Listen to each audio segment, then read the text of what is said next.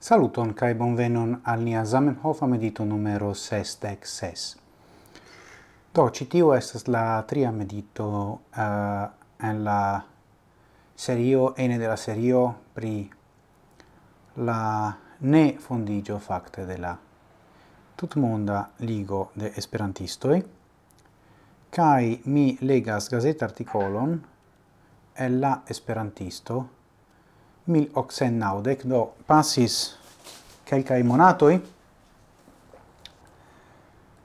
eh, post la mm, um, extarigo de la fero, estis uh, proponita regularo, cae post ecio casis, estas multe discutoi. Cae, nu, cio estas la opinio de Zamenhof pri la discutoi?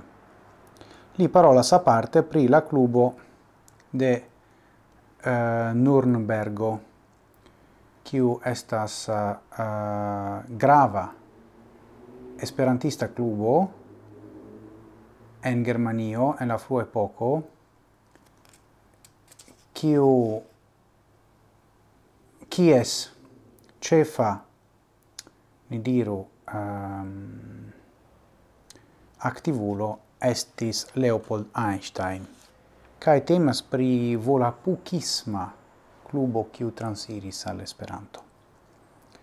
to mi ne volas paroli pri tio, estas kelkaj esperantistoj en tiu urbo kiu faris prelegon pri tio kelkaj antaŭ kelkaj jaroj.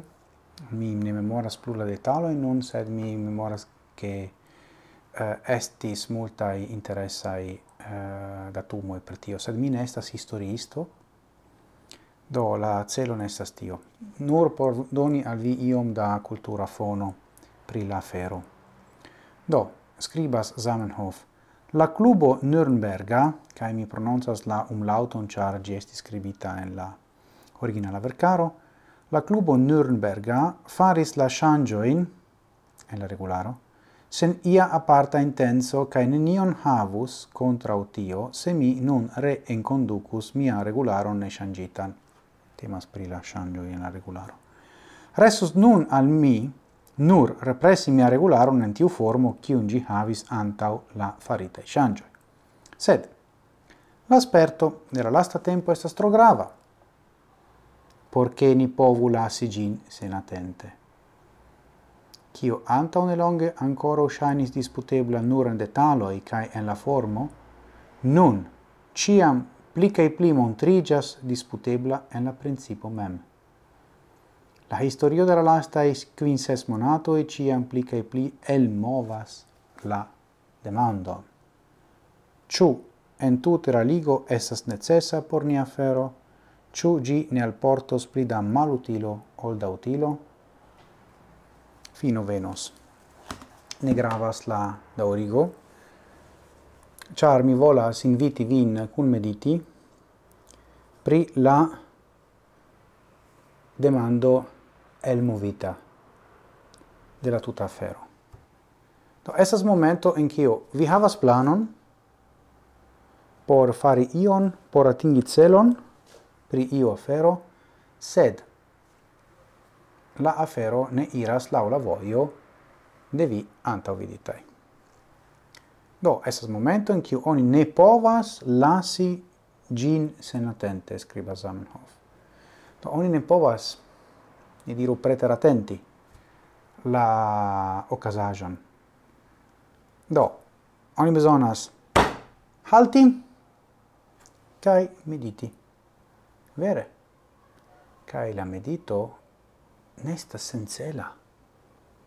La medito signifas, la mondo restas for, mi faras pasion malantauen por rigardi la tutan aferon el diversa pli fora perspectivo. Kai la demando al venas ciu la proiecto essas necessas por la fero ciu gi al portos utilo au mal utilo. Cai la respondo fin fine in, en tiu caso estis ni forlasu la aferon. Sed, de nove, oni besonas curagion por tion fari. Char nestas, oni povas ciam accusi uh, eh, la proponanton de la projekto, vi ŝanĝis ideon, vi ne estas fidinda, ne, ne, ne estas tio la fero Ĉar oni vere haltis kaj meditis kaj starigis la demandon kaj ĉion Zamenhof faris publike. Do, iu sense ni eniras la pensmanieron de Zamenhof, do li ne nur diras al ni la resulton de la tuta reson linio, sed ancao la processo. Au processo, eble estas processo. Ja, por, est, por ne esti processo, ciu ne? Ja, do, mi pensas che citio estas grava instruo de Zamenhof, kai mi mem starigas al mi la demandon. Ciu mi curagis ciam starigi al mi mem citiun demandon o ne? Mi ne certas, sincere dirite. Nu, ciu meditu per tiu afero individue. Dankon pro vi atento gis morgau, cae ciel ciam, antauen, sen fine.